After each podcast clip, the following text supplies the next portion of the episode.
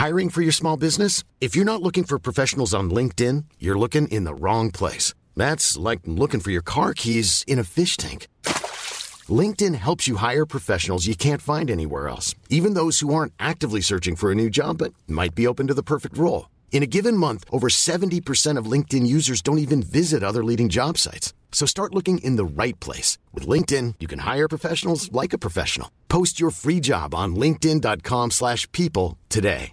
Quality sleep is essential. That's why the Sleep Number smart bed is designed for your ever-evolving sleep needs. Need a bed that's firmer or softer on either side? Helps you sleep at a comfortable temperature? Sleep Number smart beds let you individualize your comfort so you sleep better together. JD Power ranks Sleep Number number 1 in customer satisfaction with mattresses purchased in-store. And now save 40% on the Sleep Number limited edition smart bed for a limited time. For JD Power 2023 award information, visit jdpower.com/awards. Only at Sleep Number stores or sleepnumber.com. There's never been a faster or easier way to start your weight loss journey than with PlushCare. PlushCare accepts most insurance plans and gives you online access to board-certified physicians who can prescribe FDA-approved weight loss medications like Wigovi and Zepbound for those who qualify. Take charge of your health and speak with a board-certified physician about a weight loss plan that's right for you. Get started today at plushcare.com slash weight loss. That's plushcare.com slash weight loss. plushcare.com slash weight loss. När det känns meningslöst på jobbet, vad gör man då?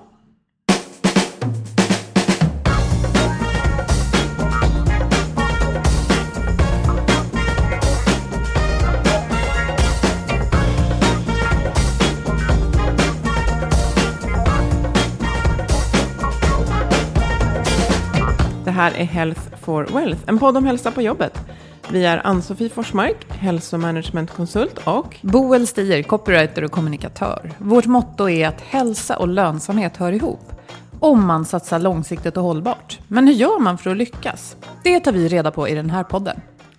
Idag ska vi, jag tror att vi påbörjar ett ämne idag som jag tror att vi kommer fördjupa oss i och få komma tillbaka till. Och eh, vi kommer nog inte komma i mål om alls, men eh, det känns viktigt att prata om. Och det är när det inte känns bra på jobbet, när man inte känner sig motiverad och engagerad. Därför att det pratas det väldigt mycket om nu att man ska göra. Och jag är helt övertygad om att det kan man inte göra hela tiden, men man kan göra mycket åt det. Eh, och personligen så håller jag just nu på att läsa den här boken som heter Bullshit Jobs av antropologen David Greber. Och han resonerar kring människor som just upplever att de, de har ett jobb som känns helt meningslöst. Och nu kanske vi inte tar den extremen idag, men det bygger också lite på att Maynard Keynes förutspådde då att vi, där vi är nu, skulle, bara skulle behöva jobba 15 timmar i veckan. Därför att teknologi skulle liksom stötta oss. Och det, det pratar vi om här, att så ser det inte ut. Vi Nej, ju... det är det här målet vi, vi har pratat om, eller om vi som mänsklighet då i, vad är det, över 150 år i alla fall, Mm. och trott att det kommer snart. Men det gör det ju aldrig. Nej. Utan istället verkar det som att de som har jobb bara jobbar mer och mer. Och sen Mm. är det i olika omgångar då, folk som hamnar utanför eh, arbetsmarknaden. Men det här med meningslöst, jag har haft jobb som har känts meningslöst. Ja, och vet du, vet du hur jag kände det framför allt? Nej? I magen. Ja. Det gjorde ont, och, alltså, det gjorde ont i magen när jag Mm. gick till jobbet på morgonen. Kan du ge något exempel vad du gjorde? Eh, ja, men dels tänker jag faktiskt på ett sånt här pryo-prao. Det heter praoa idag tror jag. Mm. Men alltså när man arbetstränade i åttan kanske.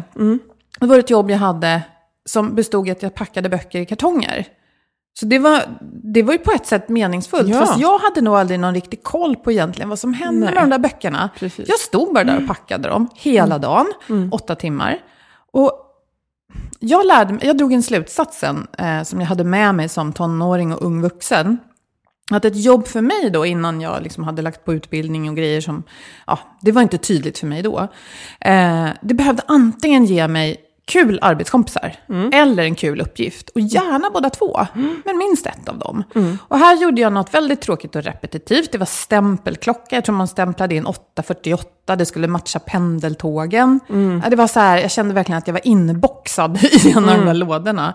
Och jag hade inte riktigt någon att prata med. Nej. För tänk om någon hade kommit och bara, Boel, de är så nöjda med de här böckerna. Då Alla kom fram, super, alltså då hade du fått i alla fall någonting, även om själva att vara där nere, kanske i något rum och packa de här, hade inte, men du hade fått en hjälp med att hitta en mening i vad du gjorde. Och det här är väl ganska vanligt kan jag tänka mig när man tänker på sina första jobb, att de ofta är sådär, att syftet är liksom att få in pengar, men kan det vara roligt samtidigt? Så, ja. Det hade ju kunnat vara kul om jag såg en slutmottagare och kunde smyga in någon lapp till den så här, mm. eh, hej, hoppas att jag smög in en extra tidning här som du kanske gillar. Ja, men du vet, ja. men, men det hade ju räckt med några vuxna som inte ens hade behövt vara så himla härliga eller roliga. Man bara snacka med någon faktiskt. Ja. Mm. Det du kom in på där, det är det här jobbcrafting som vi ska prata om lite idag, men jag tror vi kommer fördjupa oss i det också. Mm. Och jag funderade också på Eh, och jag tänkte så här, mitt första då, ja men jag drog runt min gamla barnvagn och delade direktreklam. Nej, men det var Din gamla barnvagn? Ja, det var en gammal, för att få med mig all direktreklam, vilket ja. jag nu skulle vägra rent etiskt göra. Ja, just det, det gjorde jag också. Papper. Ja, men det var jättemeningsfullt, för jag räknade varenda sak jag stoppade i en brevlåda, så bara var det någon krona eller något öre.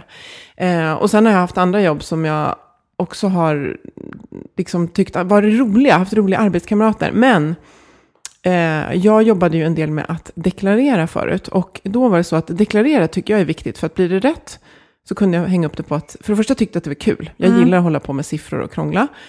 Men också att det blir rätt till staten, alltså mm. betala rätt skatt. Men jag hade då en kund som jag inte etiskt kunde liksom förlika mig med. Som mm. bara ville dra av kostnader som var utanför vad som egentligen var okej. Okay. Eh, och då kändes det helt meningslöst. Meningsfullheten för mig var ju att försöka hitta så, mycket, så lite att dra av som möjligt. För att jag inte I hemlighet arbetar du emot kunden kanske? Mm, medans, Mikromotstånd ja. tror jag Jonna eh, Bergenmark pratade om. Ja, så det, det, det, hela den, det förfarandet med den kunden kändes extremt meningslöst för mig. Och jag kunde också, ja men helt krasst känna ibland att så här, försöka hitta så mycket eh, hitta så mycket vinst som möjligt till aktieägare. Kunde jag då tänka var så här, men det här känns inte meningsfullt. Nu kan jag tänka så här, ja, alltså om ett företag går bra, kanske de kan anställa människor som får lön, som kan sätta mat på bordet, som kan ta hand om mm. sin familj. Men jag hade inte riktigt tiden att reflektera de stora cirklarna just då. Men mm. Eh, Nej, och det där är ideologiskt också, var man tycker att pengar ska hamna och hur det ska ja, snurra. Ja, det blir förstås. precis. Ja, så. Men, men nu kan jag tänka att jag kanske hade kunnat lyckats bättre med det. Men, mm. ehm, men håller du med mig om min bild att antingen behöver själva uppgiften man gör vara liksom i någon mån intressant eller meningsfull. Eller att sammanhanget, människorna är det. Ja. Att det på något sätt räcker det ganska långt. Ja, och som du säger, finns båda på plats. Och då kopplar vi lite till eh, alltså self-determination theory och motivationsteori så mm. stämmer det ganska bra. Men om man tittar då på, om man kopplar lite till hans bok, fast vi ska inte fastna i den idag då, så, så att människor som eh, ofta jobbar med andra människor. Det är för det första ofta ganska, om man tänker efter, det är ofta ganska lågavlönat. Fast det är du, ofta du menar att man servar andra människor? För de flesta har ju arbetskompisar. Ja, men om man jobbar, precis, om man tar hand om mm. andra människor, mm. alltså till exempel undersköterska, mm. Eh, eh, alltså jobbar inom barnomsorg. Alltså klassiskt starka kvinnoyrken som ofta är ganska tufft, eh, tuffa arbetsförhållanden och eh, lågavlönade. Mm. Men där det är väldigt ofta lätt att koppla upp sig på en mening. Mm. De känns väldigt, väldigt sällan som BS-jobs då. Alltså, och samtidigt människor till exempel som eh, ja, men servar bilar, kör bussar, sådana här jobb där man liksom kan se ganska tydligt effekten av vad man gör.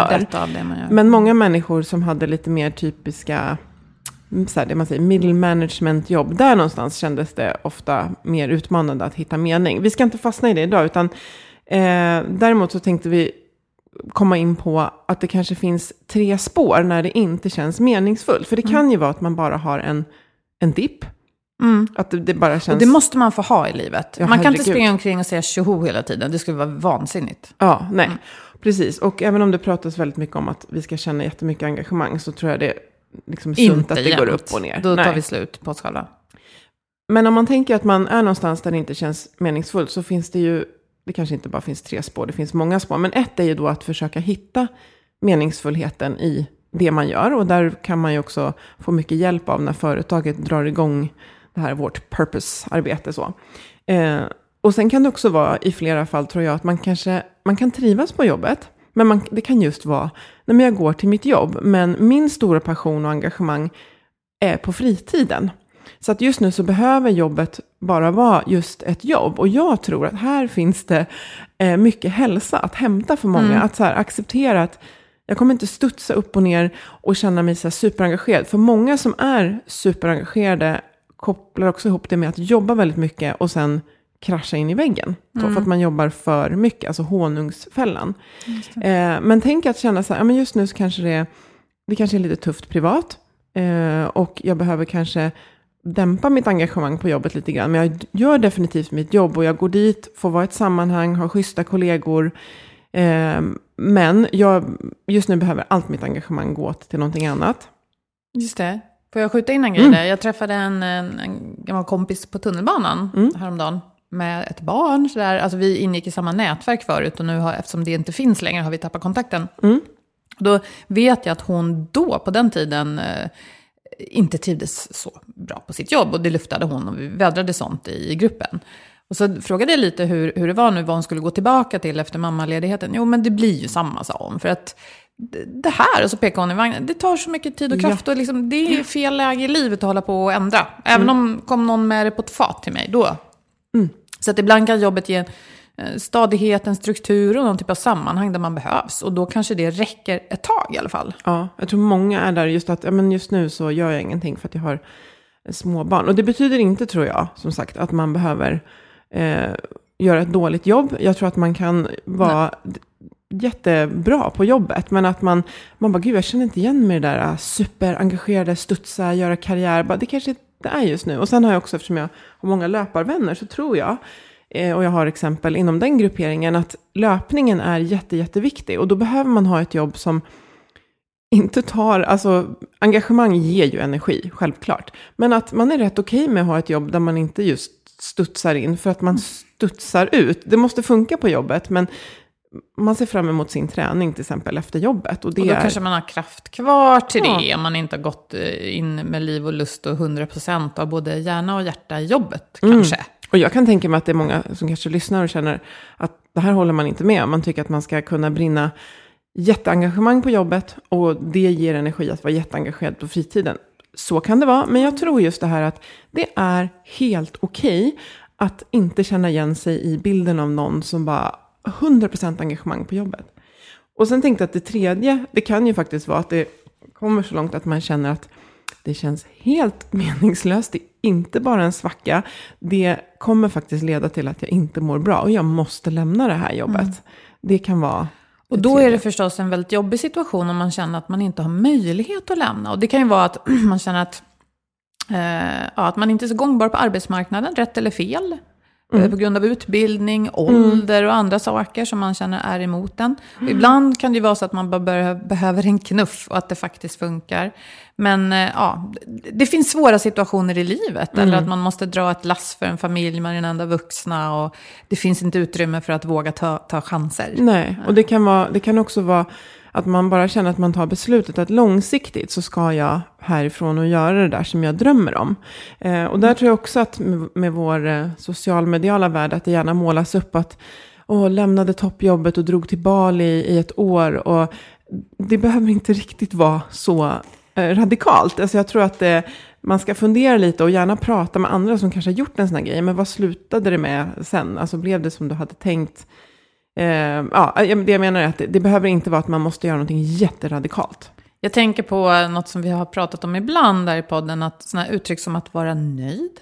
Mm. Att bara tycka är lagom, eller att saker och ting är gott nog. Mm. Det tycker jag är en fin känsla. Och det är kanske lite grann kopplat till vad du säger. Vi ser bilder runt om oss där folk just wohoar väldigt mycket. För det är det vi liksom ofta uppmuntras att kabla ut till omvärlden. Men det, det är nog en falsk bild eh, att tro då att folk håller på så hela tiden. Eh, Gott nog kan vara jättebra. Ja. Men om man känner att det är alldeles för stilla och att man saknar något, att den här känslan i magen börjar växa, då ska man ju göra någonting åt det. Och eh, jag tänker bara, om man är en sån här rävsax och känner jag skulle vilja förändra någonting, men hur sjutton då, jag sitter fast. Ta hjälp av andra människor runt omkring. Alltså, det är ju så självklart, men jag vill bara säga det. Att prata med andra och bara lufta sina problem kan ju ofta ge nya idéer och ingångar. Precis, för att eh, ofta är det väldigt surriga tankar och känslor i huvudet. Och man behöver, precis som när jag föreläser om stress, man behöver skapa den här tygen. Alltså du behöver liksom skapa en tydlig definition av vad det är som inte känns bra. Det kan krävas väldigt många frågor varför sådär. Mm. Är det tygen, det Men- som inte känns bra? Mm, nej, här kanske det skulle kunna vara en surdeg då. Eller någonting. Jag vet inte, du får ha någon, tigen är ju ofta kopplat till stress. Vi får hitta någon annan bild. Men, ja, men vad är det som inte, att man försöker hitta det och att vad är det jag behöver förändra? För att om man, om man tänker då att nej men alltså, det är nog en dipp eller jag behöver hitta mer meningsfullhet i det jag gör. Och då kan det ju faktiskt vara att ja, man kanske inte känner att man etiskt inte håller med om det företaget står för, eller organisationen.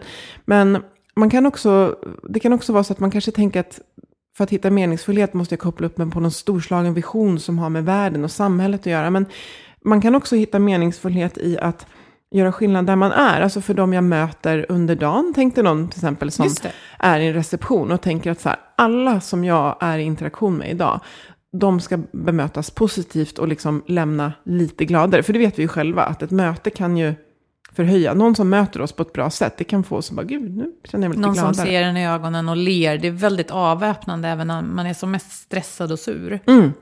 Men där är förstås också risken att man dränerar sig själv för man bara ger och ger hela dagen. Så att, ja, Ja. balans är ju viktigt. Ja, men där kan det också vara att du ger, men du får ju ofta tillbaka. Om du ger Sant. surt, får du tillbaka surt. Eh, också att man känner att det är viktigt för mig att ehm, göra ett bra jobb, därför att det är schysst mot mina kollegor. Och då får man hoppas att de är likadana tillbaka. Eh, och att man känner att mitt etiska kompass eh, säger mig att jag, jag ska göra ett bra jobb, jag ska göra mitt bästa, det här är min uppgift. Och jag känner en stolthet i det, att det finns en meningsfullhet i att faktiskt utföra jobbet rätt. Vilket såklart kräver att man tycker att arbetsuppgiften fyller en, eh, en funktion. Men att man kan eh, eh, jobba där man är. Och då, jag måste ta med det här exemplet då från eh, det här sjukhuset. Och eh, eh, hon som har forskat på det här, eh, nu ska vi se vad hon heter. Hon heter Amy Wresniewski. Eh, nu hoppas jag att jag uttalade det rätt. Hon pratar om jobcrafting. Och hennes kanske mest kända exempel handlar om eh, städare på ett sjukhus. För att de var ju anställda för att städa lokaler på ett sjukhus. Men de sysselsatte sig, många av dem, med någonting som hon beskriver som jobcrafting. Och det var ju att de tog ju i vissa fall ut svängarna ganska rejält och gjorde saker de inte alls skulle göra. Men det var deras sätt att hitta ett meningsfullt förhållande till sitt jobb. Så att, att Men berätta lite mer, för städa är meningsfullt Ja. i sig därför att det blir rent och så. Oh ja. Däremot kan det kanske vara tråkigt. Mm. Så att det, det var ju så här, ja men du ska hålla rent i den här sjukhussalen. Det skulle kunna vara något. Vad gör du? Nej men jag städar sjukhussalar. Eh, nej, det var- gjorde inte de här. Utan de såg sitt jobb som att gå runt och se vilka patienter som kanske höll på att börja gråta, mådde lite dåligt. Eh, några av dem försökte hitta sätt, hur, hur kan jag liksom ge den här personen vatten? Några av dem lotsade de besökande tillbaka till parkeringen, till bilen. Och en eh, kvinna, det här tyckte jag var, jag började nästan grina när jag hörde det, men hon eh, flyttade om tavlor i rummet eh, hos människor som var i koma, vilket de, om man då gissar, inte upplevde. Men så fick hon frågan varför gjorde hon det? Nej, men hon, hon tänkte att det kunde väcka någon stimulans, att de skulle liksom vakna. Hon hade inte slutat att se dem som eh, eh, riktiga människor. Nej, precis. Och hon hade liksom kreativt då räknat ut att om jag flyttar runt tavlorna mellan olika salar så händer det någonting. Och då hade de frågat, men är det här någonting som ingår i ditt jobb? Och hon sa, nej, men det här är någonting som säger vem jag är. Och då tänker jag så här, ja, nu fick jag en idé här. Och då tänkte jag på, på alla parkeringsvakter. Som ju, alltså vi, vi är väldigt få som har, kanske, en, och speciellt om vi har fått en lapp. Men jag tänker att det måste vara ett ganska ibland otacksamt jobb. För man ser dem komma och man bara, nej, nej, jag stod bara fem minuter. De är ute och går på gatorna. Tänk om alla bilar, lo and behold i Stockholm, men står rätt parkerade. Eh, att vilken potential de har för att till exempel eh, gå fram till människor som ser lite ledsna ut, som ser vilsna ut. Att typ, Var ska jag parkera någonstans? Jo, jag har ett tips för Ja, dig. jag har tips. Där uppför backen kan du stå eh, Ah. helt lagligt. fråga mig om bra ställen att parkera på. Alltså, eh, ja, det finns säkert, det finns ju många entreprenörer som jobbar, ja, företag som jobbar med det. I Stockholm till exempel då, där vi är. Eh, men där finns det, de är ute och patrullerar liksom. Alltså, där, de skulle kunna ta ut svängarna och liksom så här, men Om du de ser lite inte hela vilsen tiden ut. behövde bevaka och, och Ja, liksom, de kanske inte ja, hinner. säga nej när folk är fel, för det är det de här lapparna betyder egentligen. Ja. Men om man utgår från att man hinner med det man ska göra och samtidigt får lägga till någonting som både faktiskt skapar värde, det är inte bara på. Nej. Ja, Ja, men jag håller med, och får jag flika in en sak där? Det här med crafting då som begrepp antar jag att man själv skapar meningsfullheten. Det är ju ett sätt att se på livet också. Faktiskt. Så att det går ju utanför bara arbets, eh, arbetets gränser. Att när man känner att det är lite tomt just nu i livet, ja men hur kan jag hitta den meningen som jag söker? Ja, men det kanske är då att man... Men så här, jag, har jag har fått i uppgift att eh, jag har hand om, hand om administrationen här till exempel. Jag får in massa uppgifter som jag ska ta hand om. Men jag ser det som att jag löser viktiga problem åt de här kollegorna. Och dessutom så, så ser jag till att alla som jag hörs med så skickar jag med någon positiv kommentar eller någonting så att jag sprider glädje samtidigt som jag gör de här uppgifterna. Alltså jag tror att vi alla eh, behöver jobbcrafta lite grann. Och jag tror att det ämnet Absolut. ska vi definitivt komma tillbaka till. Men det kan ju vara det att man, man känner att man, är, man sitter i en organisation där det finns en vision som man tycker är för långt bort. Och visst, man kan lägga massa tid själv på att koppla upp sig på den och rita så här, hur bidrar jag till det? Men om inte det arbetet sker i organisationen så kan jag förmodligen hitta min meningsfullhet där jag är. Just för att jag kommer till jobbet och är jag inte där så är jag saknad av mina kollegor. Det är någon som undrar varför det här inte är gjort. Så att jag fyller ett viktigt syfte och att mata det. Men också acceptera att förmodligen kommer man ha arbetsuppgifter som inte känns meningsfulla. Och man kanske inte behöver sätta sig och grotta ner sig i varför de blir meningsfulla. Om man inte gör dem så ofta. Men det man gör ofta behöver man hitta ett, ett varför bakom. Just det. Mm. Ja, men det är bra. Men eh, åter till det här som du säger, bullshit jobs. Du, Mm. alltså, det är en lite rolig och provocerande rubrik. Ja. Finns de? Eh, jag tror definitivt att de finns, men det kan ju vara att om du säger så här, jag, jag, eh, ja, men jag håller på att försöka komma på en ny, en ny cigaretttyp, då skulle jag bara, alltså det är ju ett bullshitjobb, enligt min etiska Ja, just det, för du tycker kompass inte det behövs i världen, att det bara Nej. förstör. Liksom. Och, och det skulle jag säkert få massa medhåll av. Men till exempel om du eh, har ett jobb och så beskriver du det och så känner jag inte riktigt igen titeln. Jaha, du sitter vid en dator hela dagarna och knappt, ah, det låter inte så meningsfullt. Och så bara, fast alltså, jag gör jätteviktiga grejer här. Alltså, Resultatet av det jag gör stöttar hela organisationen. Det kanske är beslutsunderlag som eh, ja, avgör viktiga vägval och sådär. Ja. Jag kan tänka mig att det mest meningslösa kan vara när man är fast i ett stort maskineri och det känns lite som att man, man flyttar någonting från A till B. Man, man kanske konverterar information på något sätt från A till B. Men man ser aldrig att någon gör något av det. Nej, och så kanske inte ens någon, för det finns det exempel på i hans bok, där man faktiskt sitter och gör någonting som någon inget gör något av. Och då kan man tänka att om det inte är någon som drar nytta av det du gör, du själv inte ser någon nytta av det, eh, då kan ju det vara the bullshit. Ja. Men det kanske är så att du får lön som gör att du kan ja, utfodra dina barn och din familj. Alltså, då är ju inte det bullshit ur För det dig, perspektivet. Nej, det resulterar i något Utan som det, betyder något. ja, men det finns ju den här klassiska anekdoten med de här tre männen som sitter och hugger sten. Och så frågar man, men vad gör du? Ja, ja, ja, jag hugger sten. Och nummer två, nej men jag, jag jobbar för att få brödföda till min familj. Och den tredje pekar och säger, jag håller på att bygga den här katedralen, visst blir den fin? Alltså, Just det. Det exemplet hörde jag eh, nyligen. Det var ganska bra. Ja, den, är, ja den, den dras ofta. Och det är ju, ja, det kanske inte är så kul att hugga sten. Det, därifrån kanske vi vill förflytta oss till att känna att ja, men jag, jag, jag tjänar pengar, det är rätt okej. sådär. Men så att bullshit jobs, det, det finns nog ingen, det är ju en väldigt subjektiv benämning. Och vad som är ett bullshit jobb beror ju på.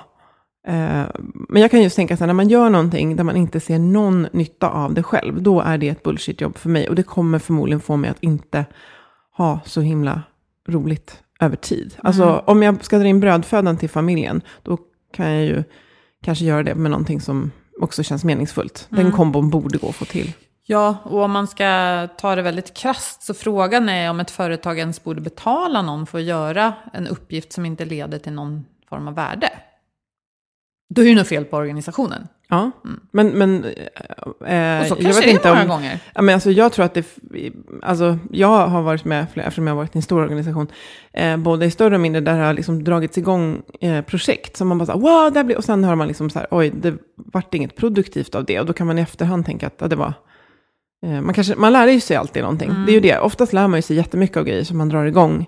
Så att, ja, vi får nog återkomma till bullshit. För det går inte att säga exakt vad det är, utan det är en Nej. upplevelse. Och att våga misslyckas, det säger man ju väldigt mycket nu för tiden. Fail fast och sådär, det ska man göra för annars kan man inte lära sig något. Det är väl om det pågår länge. Jag menar, det är som ett förhållande, alltså vänskap eller, eller äktenskap. Där man inte ser någon mening, där man inte ger varandra något, där man är maskiner som bara, ja, Då kan ju i och för sig trygghet vara något. Och Ja. det, så kan det vara, att om ett jobb ger trygghet. Ja. Jag har en struktur, jag går någonstans på morgonen, jag går hem på kvällen. Jag mm, upplevs som behövd, jag har ett sammanhang. ja. Och en lön då. Men så att, precis, att det, att det är tre, kanske tre delar. Att antingen så behöver man jobba på att hitta meningsfullheten där man är. Eh, och det kan jag känna ibland när jag ska ta mig an något lite större som, som känns trögt. Så hittar jag meningen och kopplar upp mig på den så känns det roligare. Eh, och sen kanske då att man kanske är någonstans där det känns som att man förväntas vara jätte, jätte, jätte engagerad. Och man känner att jag nöjer mig med att inte vara jätte, jätte engagerad. Jag vet att jag gör ett bra jobb och jag trivs här. Men jag har ett jättestort engagemang någon annanstans. Men jag känner ändå att jag liksom levererar. Och det tredje är just att om det bara känns, det här känns inte bra. Och, då, det är precis, och jag måste byta arbetsplats eller byta spår. Och det är då jag tycker att man verkligen ska lägga tid på att, som du säger, bolla med andra, ta hjälp, kartlägga. Därför att gräset är inte alltid grönare på andra sidan. Och ibland är det inte förflyttningen från det man gör som är lösningen. Och man må, ja, men jag tänker som jättemånga som säger, kanske jag har sagt till dig förut också, så, gud det verkar så härligt att vara egen. Ja, alltså jag älskar att vara egen, men, men, Men definitivt att det inte alla passar alla. utmaningar och... Mm, Ja, att precis. man verkligen målar kartan. Sen kommer man aldrig veta vad man, vad man är på väg emot. Men däremot kan jag tänka, eh, någonting som jag tror på, om säg att man är på ett jobb, där man känner sig super, super engagerad och älskar sitt jobb. Men man känner också att det är väldigt, väldigt mycket att göra och väldigt, väldigt slitigt. Då kan jag tänka att, jag undrar om vi behöver vara engagerade så här fruktansvärt många timmar i veckan. Alltså, måste vi vara engagerade 40, 40 plus, inklusive resa? För där har jag en tanke om att man faktiskt kan fördela om sin tid lite grann för att hinna med mycket av det som man säger att man inte hinner. Jag skrev ett blogginlägg om det här faktiskt, som bara var, alltså ingen lösning på liksom något samhällsproblem, men bara så tankar hur jag själv har tänkt lite runt att inte gå ner i tid, för ibland jobbar jag också liksom hysteriskt mycket. Men, men att alla de sakerna som man säger att man längtar efter och inte hinner. Och sen så ser vi ofta att vi kanske, ja, men kanske sitter i lite onödiga möten och sådär. Och så kanske jag kan gå ner lite i tid. Att om man, Skära ner lite BS Ja. på jobbet för att få in eh, mer meningsfulla saker kanske. ja, men också så här, våga säga, men jag skulle inte hinna gå ner i tid, för då hinner jag inte allt det här. Alltså, jag tror att det går att skrapa Om jag bort. vore din arbetsgivare nu när du säger det där. Mm. Då skulle jag, eh, arbetsgivare, chef, ja vad du vill. Då skulle jag vilja höra det du säger. Och så skulle jag vilja tillsammans med dig diskutera möjligheterna att, ja men vad är det du ser som inte tillför något? Mm. Antingen att ta bort de timmarna så du kan springa mer eller göra någonting Mm. utanför jobbet. Eller vad skulle du vilja göra på jobbet? Vad tycker du saknas? Mm, Så precis. att vi ska också ta upp den, den här vinkeln meningsfullhet, tänker jag, utifrån ja, vad en chef och ledare kan göra. Absolut, för det blir ju en, en dialog. Men, Ja. men det jag märker är till exempel som många säger att de inte hinner med, som jag kan ge som exempel, man skulle kunna eh, säga att man jobbade sex timmar istället för åtta timmar per dag. Mm, då har du två timmar extra per dag. Du skulle kunna umgås med människor som du inte hinner med. Till exempel kanske hämta dina barn, eller om du har barn, en halvtimme tidigare. Du skulle kunna vara ute i naturen, vilket vi alla kanske inte längtar dit. Eh, och då kanske det är något annat. Men många säger, åh, jag skulle vilja ut i skogen. Okej. Kunna sitta på en eh, nattklubb, eller jazzklubb lite längre på kvällarna. Ja. Eh, man skulle kunna hinna transportera sig klimatsmart till och från jobbet till exempel. Om man känner att eh, ja, men jag hinner inte cykla eller springa, kanske man hinner göra något av det. Hinna Man- förkovra sig ett intresse. Ja, precis. Den är med. Att man kanske kan ta upp en hobby som man har saknat. Man kanske hinner gå med i en bokklubb, sjunga i kör, spela ett instrument, vad det nu kan vara. Eh, och just att man säger, ja, men jag hinner inte laga mat. Då kanske man kan lägga lite extra tid på att laga mat. Och eh, någonting som jag funderat på, att handla second hand, det tar längre tid än Just att det. handla nytt.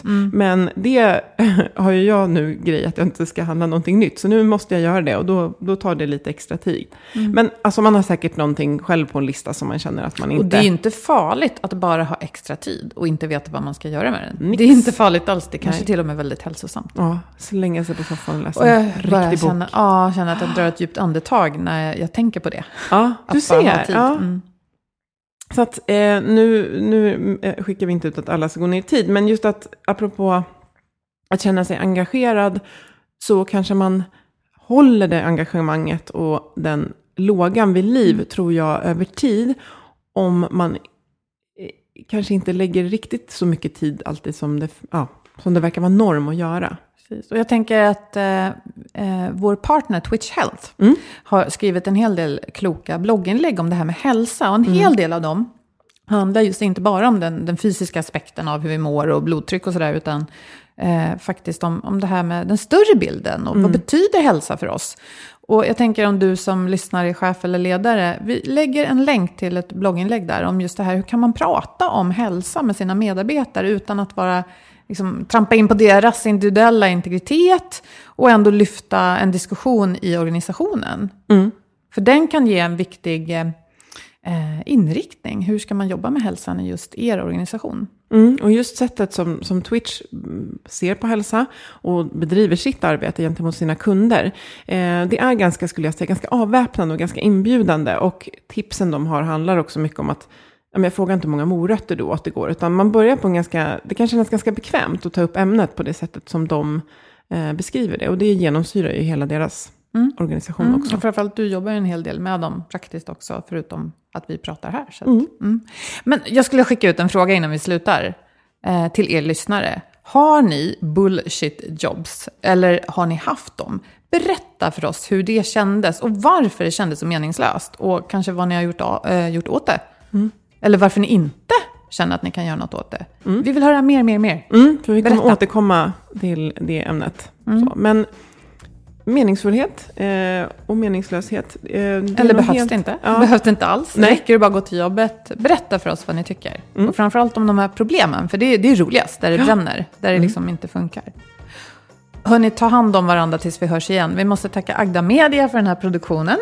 Och till er förstås vill vi rikta ett stort tack för att ni lyssnar. Det känns så kul att ni finns där ute fast vi inte ser er. Em, Dela gärna och kommentera våra avsnitt i sociala medier så hjälper det oss att göra fler riktigt bra avsnitt. Ta hand om varandra. Ha det bra. Må så gott. Hej då!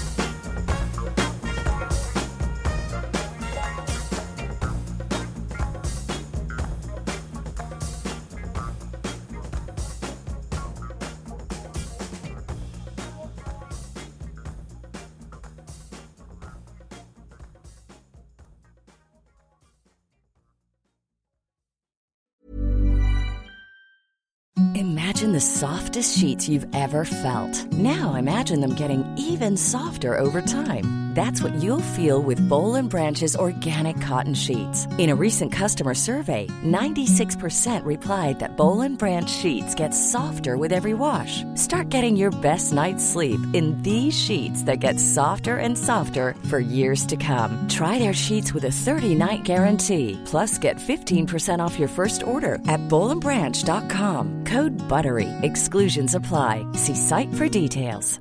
Hi, I'm Daniel, founder of Pretty Litter. Did you know cats tend to hide symptoms of sickness and pain? I learned this the hard way after losing my cat, Gingy. So I created Pretty Litter, a health monitoring litter that helps detect early signs of illness by changing colors, saving you money and potentially your cat's life. Pretty Litter is veterinarian developed, and it's the easiest way to keep tabs on your fur baby's health right at home. Go to prettylitter.com and use code ACAST for 20% off your first order and a free cat toy. Terms and conditions apply. See site for details.